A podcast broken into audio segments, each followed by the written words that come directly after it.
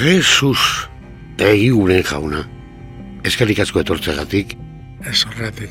Un placer, porque no es muy proclive Jesús egiguren a estar delante de, de las cámaras de los medios, trabajador incansable, pero desde la discreción y para el imaginario colectivo, el presidente del Partido Socialista de Euskadi, Euskadi Cocerra, es el referente, desde luego, que queda en el, en el imaginario de, de nuestra ciudadanía. Jesús Eguiguren tuvo una responsabilidad de un grado elevadísimo en la época más dura de lo que es la política vasca. ¿Cómo gestionaba Jesús Eguiguren aquello cuando en ese rifirrafe generalizado nadie se hablaba con nadie y muchas veces las críticas o los cuestionamientos, desplantes, llamémosle a la cuestión como sea, procedían de la propia casa. No lo sé muy bien, ¿no? Yo muchas veces lo achaco a mi procedencia, ¿no? Yo soy de la Guipúzcoa profunda y yo creo que había un cierto carácter que nos imprimían los padres y la gente en el sentido de que una persona tiene que cumplir con sus obligaciones, ¿no? Yo creo que ese cumplimiento de la obligación me hizo aguantar todo lo que me tocó aguantar. Jesús Eguiguren es tiene esa conciencia de Guipúzcoa, de Euskal Herria y demás. Sin embargo, muchas veces ese discurso no se veía reflejado en las palabras de quienes sí tenían un protagonismo diario, como podrían ser pues el secretario general del partido, secretarios provinciales, lo que fuera. Recuerdo la época de Nicolás de Dondo Terreros. Dos caracteres muy, muy, muy distintos. ¿Cómo se concilia eso? A mí nunca me vieron del todo como un socialista. No creo que solo era por cuestiones teóricas, ¿no? Sino un poco por cuestiones de personalidad también. Yo, en fin, nunca he dejado de ser una persona muy, digamos, muy atada a mis orígenes, a Guipúzcoa, al País Vasco, y con una personalidad marcada, ¿no? Mm. Incluso empezando por la forma de hablar. Hubo siempre una cierta eh, diferencia provocada por los orígenes y la personalidad, a pesar de que también hubo grandes diferencias políticas, ¿no? Y ahora que ya estoy retirado y tal, pero pues recibo muchas llamadas de gente del PSOE, de toda España y tal, pues me he dado cuenta también de que me siguen viendo como una especie de nacionalista metido en el PSOE, ¿no? Y yo digo, pero si yo toda la vida he sido del PSOE, aunque haya sido más o menos heterodoxo en determinados momentos, tampoco nunca he dejado de formar parte del aparato. Pero aún así no hay forma de romper esa idea de que este... En tu época, ¿dónde estaba el principal escollo a la hora de conciliar las distintas familias, los distintos pareceres, opiniones, posicionamientos, teniendo en cuenta, por supuesto, nunca podemos obviar que vivíamos lo que se llamaba la época del plomo.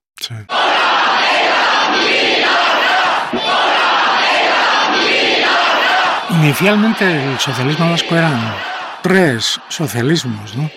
Aguiriano lo solía definir como el socialismo obrerista de Vizcaya, el socialismo mesetario de Álava y el socialismo vasquista de Guipúzcoa. Y vivíamos prácticamente en mundos separados. No sé si la gente se acuerda ya de los líderes de una época, pero a Ricardo García de Morenea nunca le dejamos que diera una charla o entrara en Guipúzcoa en una agrupación a hablar. Ahora me cuesta creer que eso también sea verdad, porque era uno de los líderes del PSE. La margen izquierda y todo eso para nosotros era también pues, un mundo relativamente eh, cerrado entre ellos, y eran distintos a nosotros. Luego todo eso se fue mezclando, ¿eh?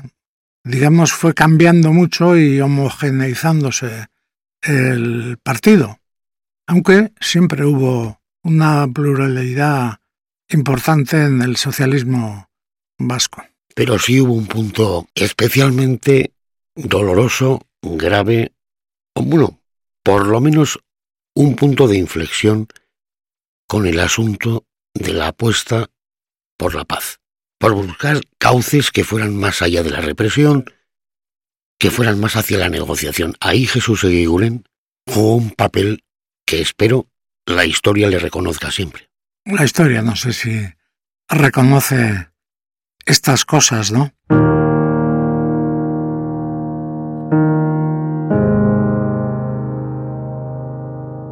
Mientras Eguiguren se reunía en Suiza con Urruticoechea, mantenía también encuentros en el caserío Chillarre del Goibar con Arnaldo Otegui. Este es un país y un pueblo que ha hecho una apuesta decidida e irreversible por la paz, por la convivencia y por la libertad.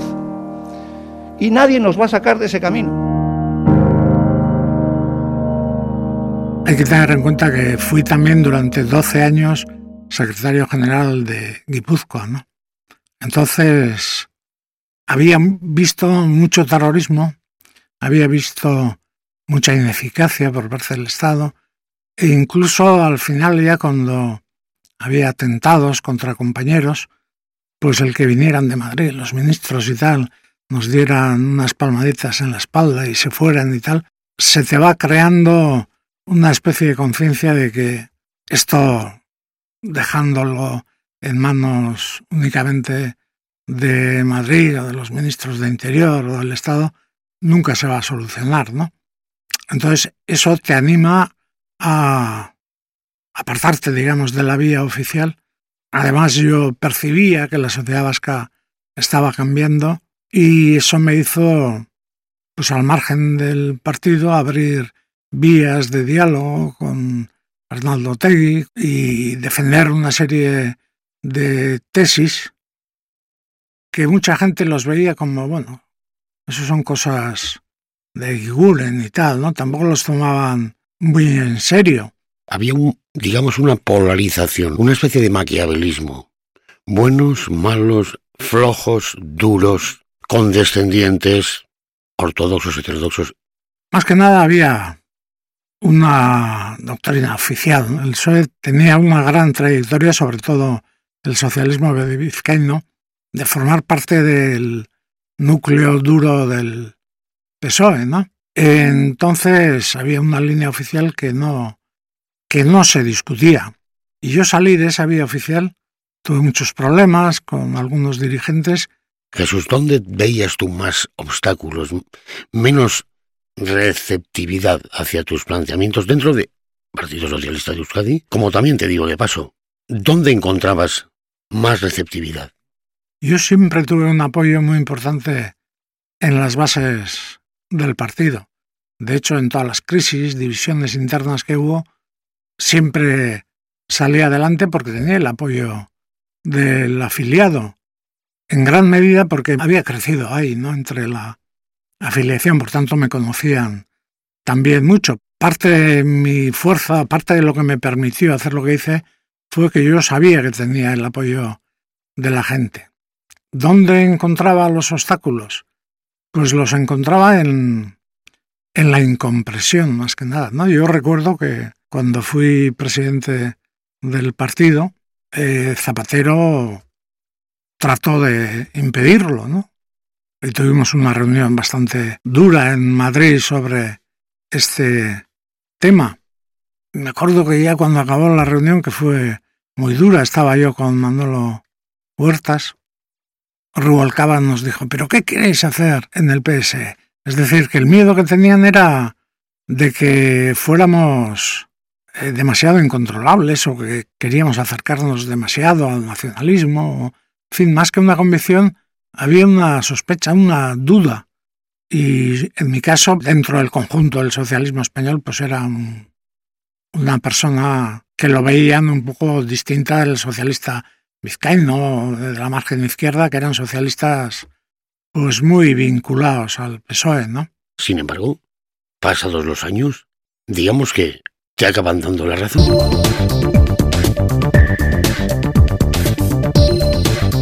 A las 7 de esta tarde, ETA ha anunciado el cese definitivo de la actividad armada. Sí, aparte que Zapatero, la verdad se ha dicho que luego me apoyó siempre, ¿no? En todo lo que hice, tanto las conversaciones con HB y luego el diálogo con ETA, fue decisión de Zapatero que fuera yo. Antes solían mandar a ministros o a policías o a otro tipo de gente, ¿no? Y además después he tenido el reconocimiento y, y la amistad de Zapatero siempre. Pero al principio quería apostar por un PS muy controlado y muy seguro. Nosotros no éramos importantes en afiliación o en los diputados que proporcionábamos al PSOE de España, pero éramos muy importantes porque estábamos en el núcleo del mayor problema de España, que era el terrorismo, ¿no? Pero en cambio, en votos, ¿cuántas veces el Partido Socialista de Euskadi, sobre todo en generales, elecciones generales y demás, o andaban empatando para ser primera fuerza, o lo era? Sí, lo hemos sido en las últimas elecciones generales. Decía el historiador Fusi que el socialismo no era un partido, sino que era un poco una forma de ser y de pensar, ¿no? Entonces hay un electorado potencial muy grande, que su corazoncito lo tiene en el PNV o lo tiene en Bildu o lo tiene en el PP, pero es gente que en las coyunturas en las que se juega el gobierno de España o hay un dilema importante en España, tiende, eh, tiende hacia el Partido Socialista, porque no lo ven como algo ajeno a la historia vasca, sino una parte de la historia vasca, ¿no? Lo que pasa también, Jesús, estarás conmigo, es que tenemos izquierda de, de, todo pelaje y condición. Es que está tan disgregada, tan repartido que es que al final, lo del voto útil que se decía en su día, hay que pensárselo, ¿no?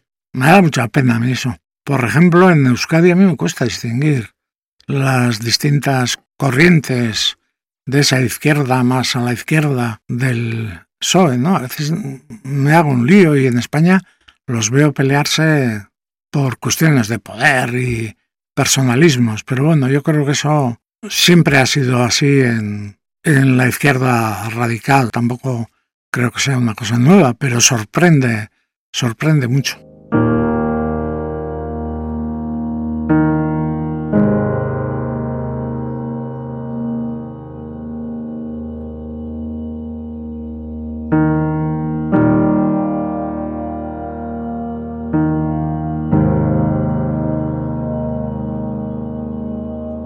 entre PSOE, Podemos, Sumar, más luego ya la o las izquierdas que hay en cada comunidad, que son más específicas desde el BNG hasta Bildu, eh, RC y demás.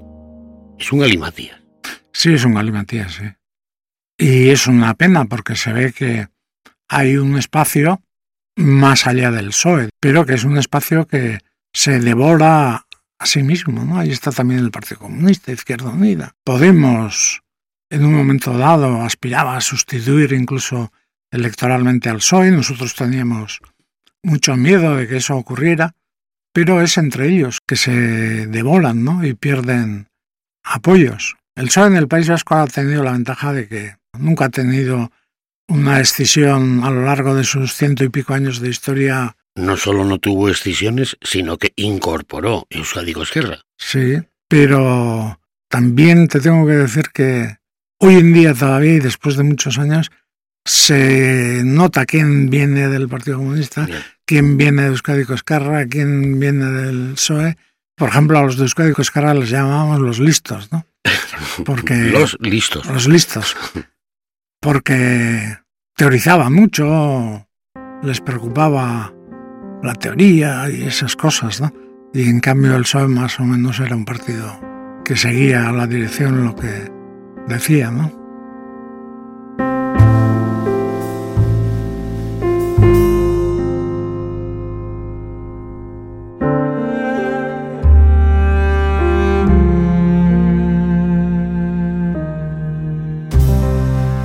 A ficha de hoy, Pedro Sánchez. En ocasiones, cuestionadísimo por los grandes tótems. Pedro Sánchez renace y renace y renace de sus de sus cenizas con el apoyo. de las, de las bases, ¿no? Sí. Es un caso especial. Sí, es bastante especial, porque Sánchez ha hecho cosas que, en fin, si nos hubieran dicho hace unos años que los iba a hacer el PSOE, nos hubiera costado creer. Y ha hecho todas esas cosas sin que haya una contestación interna importante. Más bien lo contrario, ¿no? Hay una especie de adoración a su persona y tal, y Sánchez tampoco es un mitinero excepcional ni nada de eso, es un hombre más bien serio y comedido, ¿no? Jesús, insisto, pero es que discrepar abiertamente de un tótem como Felipe González. Cuidado, porque en el imaginario histórico, en el recuerdo histórico de, de, del mundo socialista, Felipe González, si hubiera mucho creyente, Dios. Le llamábamos Dios, ¿no? Como a Mitterrand. Yo siempre me, me solía definir como felipista, porque me parecía que el cambio que había hecho en España Sin duda, Felipe había sido importantísimo, ¿no? Lo que ocurre es que ahora cuando hacen declaraciones y tal, aunque a veces sientes ganas de simpatizar con el fondo de lo que dicen, pues te das cuenta que la política ya va por otros derroteros, ¿no? Y que hay una nueva generación gobernando. Pero aún así cuesta creer que no haya ningún sector, digamos, garrista o felipista que le plante cara a Sánchez internamente, sino que el apoyo es absoluto. Yo no sé si también influirá la carga despiadada y además en, en numerosas ocasiones desmedida del, del eje derecha PP, Sí. Vox. Sí, sí contribuye. Mucha gente dice, oye, tampoco me gusta a mí la amnistía y estas cosas, pero lo que tenemos enfrente es peor todavía, ¿no? Pero hay algo más, ¿eh? Hay algo más.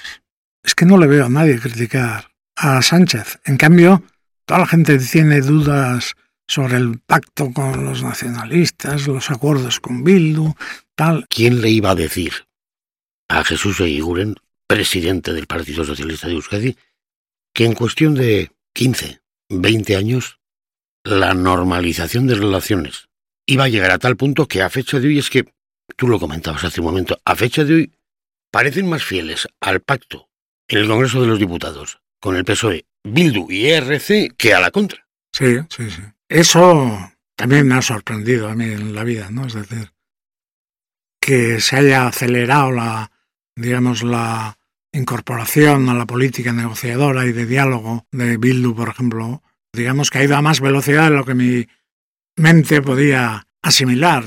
Pensábamos que, hombre, hará falta tiempo y tal, pero bueno, eh, hoy en día se le ve a Bildu como un socio más fiable, ¿Qué por otros? supuesto, que otros que sí, están sí. ahí. Y con el acelerón que mencionábamos, que antes era prácticamente impensable.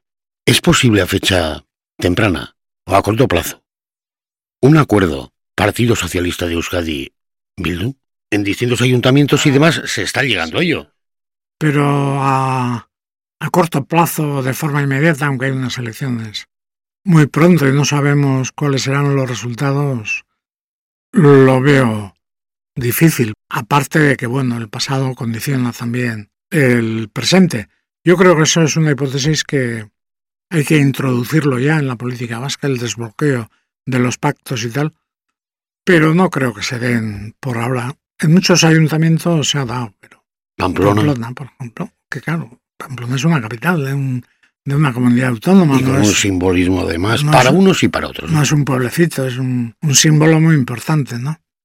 Y se ha hecho algo que, en fin, si hubiera dicho yo hace no sé cuántos años que había que hacerlo, me hubieran crucificado, ¿no? Tú igual te hubieras atrevido a decirlo, o a pronosticarlo, porque tú has tenido siempre esa capacidad de, a pesar de los pesares, por aquí. Y yo creo que eso es lo que te honra, ¿no? Pero date cuenta que yo creo que a nadie le ha escandalizado el pacto de Pamplona, lo cual quiere decir que están cambiando las cosas a una velocidad que nos supera a nosotros mismos, ¿no? Y sin embargo, la respuesta más, vamos a decir, de la vieja época, más de, voy a poner entre comillas, de Calebo Roca, al final la está protagonizando la ultraderecha, concentraciones diarias en Ferraz, ante la sede central del Partido Socialista, una serie de, de, de, de críticas con un lenguaje Mm. Que, que si perro Sánchez, que si hay que colgarle. No es normal en un país democrático que haya esa actitud por parte de la derecha, ¿no? Una cosa es que haga oposición, que no le guste lo que hace el gobierno, pero digamos que hay una legitimidad del gobierno que tienes que respetar, ¿no? Y en España a veces se cruza esa línea y no es bueno, porque polariza al país en dos bloques, ¿no? Porque al mismo tiempo que el PP dice esas cosas, pues en el PSOE la gente dice, ah, el PP son todos unos fachas, se va también el otro extremo, aunque está bien que haya confrontación y políticas diferentes, hombre, un mínimo de entendimiento tiene que haber, ¿no? De hecho, en Euskadi no hay hoy en día esa... Y mira que podíamos pensar que en Euskadi sería el peor ejemplo y hoy en día todo el mundo se respeta y intenta pactar con el vecino, ¿no? Yo no soy de los que disfrutan criticando a la derecha, porque supongo que el votante del PP pues es parecido al votante del PSOE, ¿no? No quiere estas broncas. Pero la dirección de la derecha española es que si no ganan ellos, no respetan la legitimidad de la izquierda, ¿no? Les parece que la izquierda es un usurpador del gobierno. Lo hicieron con Zapatero, que nunca le otorgaron la legitimidad, lo están haciendo ahora con Sánchez.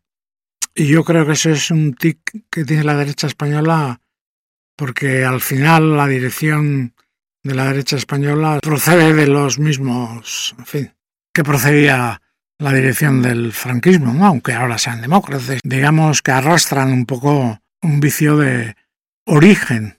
Pero quizá ese, Digo yo, ese, será eso. ese ascenso, Jesús, de la ultraderecha, no en España, sino en el conjunto de Europa y demás, quizá pueda ser lo que hace plantearse a la dirección del centro derecha o de la derecha democrática, tipo PP, a intentar captar ese nicho de voto, Mm. porque si no, aquello se desmadra. A mí no me asusta demasiado lo de la ultraderecha europea y tal.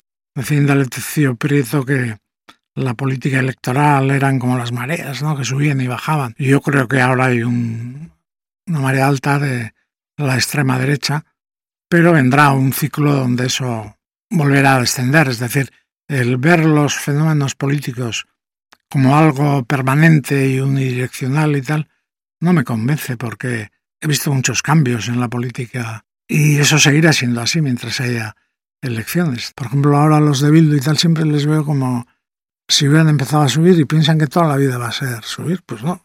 Un día les tocará bajar, otro día les tocará perder. Digamos que el electorado es el que decide al final, ¿no? Y no hay forma de controlar eso.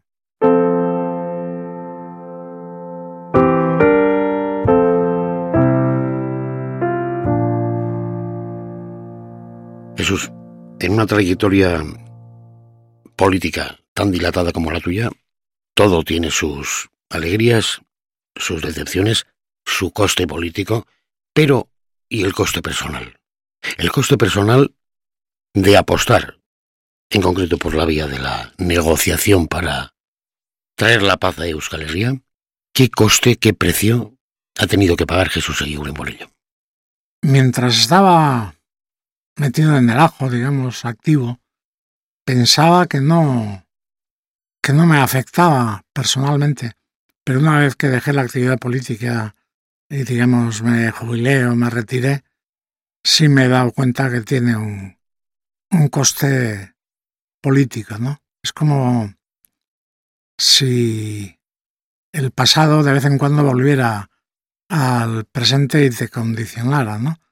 Entonces sí sufres un, un desgaste personal.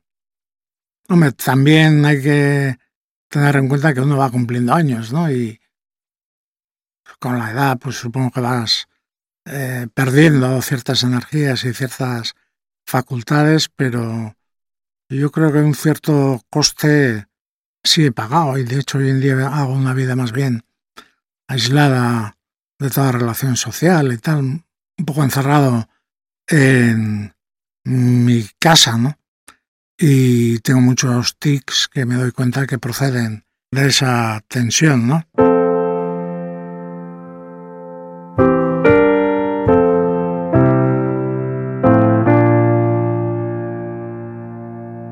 Supongo que la vida es así, ¿no? Si te dedicas intensamente a algo, pues hay unas energías que creías que no existían, pero que existen, ¿no? Y cuando dejas de dedicarse intensamente a eso, pues te faltan esas energías, no sé, para poner un ejemplo. El tener que venir a Bilbao me cuesta un esfuerzo. No empecemos, no empecemos que ya estamos los Guipuzcoa otra vez. Y en cambio antes iba a Noruega, iba a Suiza y tal, y ni me daba cuenta, ¿no? Entonces cuando te vuelves jubilado, también hay que tener en cuenta que la gente te considera un jubilado, no es que te desprecie, pero bueno, el dejar de ser protagonista o el dejar de influir o el dejar de decir lo que hay que hacer y tal, que a los dirigentes políticos nos gusta mucho, también cuesta hacerlo, ¿no? Por eso lo que decíamos antes de Felipe y Alfonso Guerra y tal, yo creo que lo que les ha pasado es que les gustaría seguir decidiendo la política del PSOE y la política española y tal, y son otra generación, ¿no? Ellos cuando se hicieron cargo del partido, pues jubilaron a la dirección anterior de Llopis y compañía, ¿no? Y ahora está pasando un poco de eso. Yo he evitado a toda costa ejercer ninguna influencia en el PS. La poca que tengo, la mucha que tengo, es porque por mi historia y tal, ¿no? Pero nunca he pretendido. Pero yo creo, Jesús, que la ciudadanía en general, lo que tenemos que tener siempre claro es que la clase política está para solucionar problemas, no para crearlos. Y en ese aspecto, tú, quieras o no reconocerlo, eres uno de los políticos de este país que intentó solucionar problemas en vez de crearlos. Sí, en ese sentido yo tengo la conciencia muy tranquila, ¿no? No voy a decir que el tiempo me ha dado la razón, pero nada de lo que defendí ni nada de la heterodoxia que tuve eh, se ha demostrado que era un error, ¿no? Más bien lo contrario, se ha demostrado que iba un poco en el sentido positivo, por eso me siento relativamente satisfecho de mi vida política. Egi guren jauna, eskerrik asko. Zuri, eskerrik asko.